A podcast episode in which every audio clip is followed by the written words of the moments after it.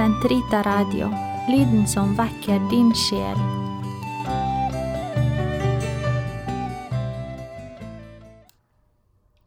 Lovet være Jesus Kristus i all evighet. Amen. Vi er kommet frem til den femte og siste podkast i denne serie om skriftemålets sakrament. Vi har i denne serien tatt for oss Kirkens lære om synd, hva synd er, og hva synd gjør med oss mennesker.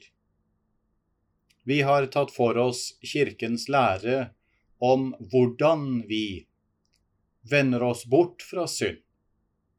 I vår anger, i vår omvendelse, i vår bekjennelse av våre synder. Vi har tatt for oss helt konkrete steg på vei inn i skriftestolen, nemlig vår forberedelse til feiringen av dette sakramentet. Hva gjør vi for å sørge for at vi gjør gode skriftemål? Vi har også sett på liturgien, hvordan dette sakramentet feires, og hvilke konkrete ord og bønner som utgjør botens sakrament, og hva disse ord og disse bønner forkynner av vår tro. I denne siste podkast skal vi ta for oss hva vi gjør, og hva vi bør gjøre etter skriftemålet. Hvordan vi tar med oss skriftemålets nåde og tilgivelsen vi har mottatt i skriftemålet, inn i våre liv. Hvordan tufter vi våre liv etter skriftemålet i Herren, og dermed fortsetter vår vei som Jesu disipler, med Gud, i Gud og for Gud. Jeg ønsker å peke på tre elementer. Det første er botshandlingen. Og her er det viktig å understreke at botshandlingen er en del av skriftemålet. Som vi så i forrige episode, så ilegger presten helt ved avslutningen av skriftemålets liturgi en bot. Dette er vanligvis en bønn, eller flere bønner, eller å ta for oss en lesning fra Bibelen. En åndelig handling. Og i dette så leder botshandlingen oss mot et nytt liv i Gud. Fordi i botshandlingen som anses som en del av sakramentet, som må gjennomføres for at sakramentets nåde virkelig skal komme til uttrykk i våre liv. Så starter vi vårt nye liv med Gud ved å legge våre liv i Guds hender ved å søke Gud og Guds ord og Guds lov. Siden botshandlingen er en del av sakramentet, og det er nødvendig å gjennomføre boten og gjøre bot for at skriftemålets nåde i sin fylde skal komme oss til del, så bør vi gjøre boten med en gang, eller så snart det lar seg gjøre. Derfor, og dette skjer i de aller fleste tilfeller, at presten ilegger som bot det å be en eller flere bønner, så er det like greit å gjøre det i kirken rett etter at vi er kommet ut av skriftemålet. Dette forsterker også det faktum at boten leder oss til et nytt liv i Gud og et liv i Guds nåde, ved at det første steg ut av skriftestolen er et steg til Gud i bønn. Dersom vi utsetter boten av en eller annen grunn, så er det viktig at når vi gjør bot, når vi kommer til å lese den bibelteksten eller be de bønner, eller hva nå enn det måtte være, at vi også gjør dette i Gud. At vi innleder det med korsets tegn, at vi legger til en bønn, at vi gjør noe for å markere botshandlingen slik at det ikke er noe tilfeldig eller noe vi bare legger til. At det blir en del av vår anger, omvendelse, bekjennelse og bot. Det andre elementet er det jeg vil kalle takksigelse. At vi takker Gud for hans tilgivelse, for hans nåde. Og her tror jeg det er viktig at vi virkelig tar inn over oss hva som har skjedd i skriftemålets sakrament. Og her leser jeg fra kompendiet til Kirkens katekisme nummer 310. Og spørsmålet lyder hvilke virkninger har dette sakrament? Og svaret kompendiet gir, er Virkningene av botens sakrament er forsoning med Gud og følgelig syndenes forlatelse. Forsoning med Kirken. Gjenopprettelse av nådens stand så fremt den var gått tapt. Ettergivelse av den evige straff som var fortjent ved dødssyndene, og i det minste en delvis ettergivelse av timelig straff som følger av synden. Fred, en rolig samvittighet og åndelig trøst styrking av åndelig kraft til å kjempe den kristne strid.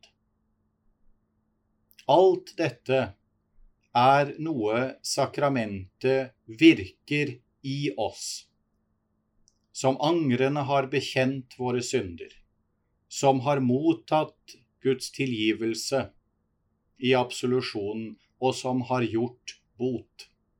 Alt dette får vi del i i skriftemålets sakrament. Dette er så stort, så utrolig,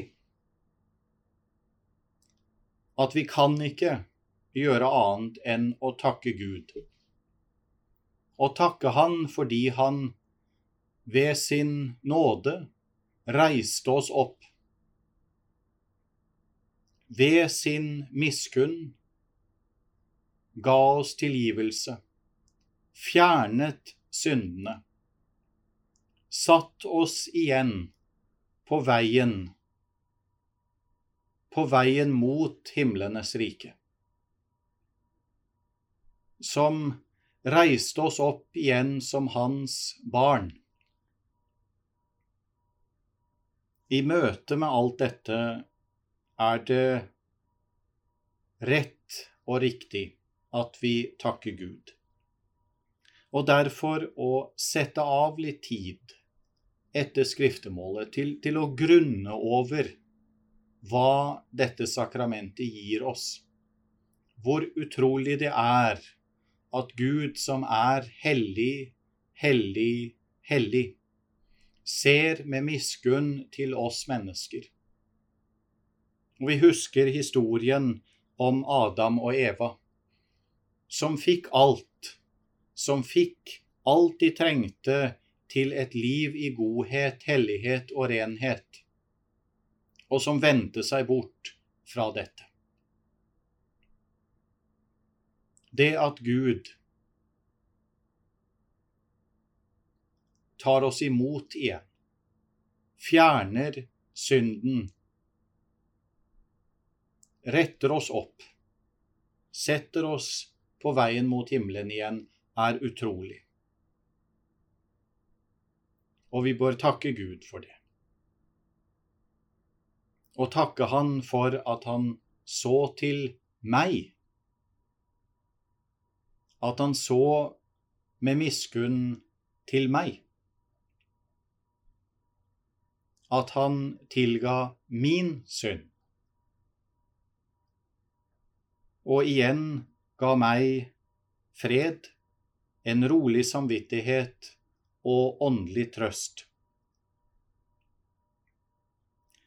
Det tredje og siste elementet jeg tror det er viktig at vi tar for oss etter skriftemålet, er det å lære av skriftemålet.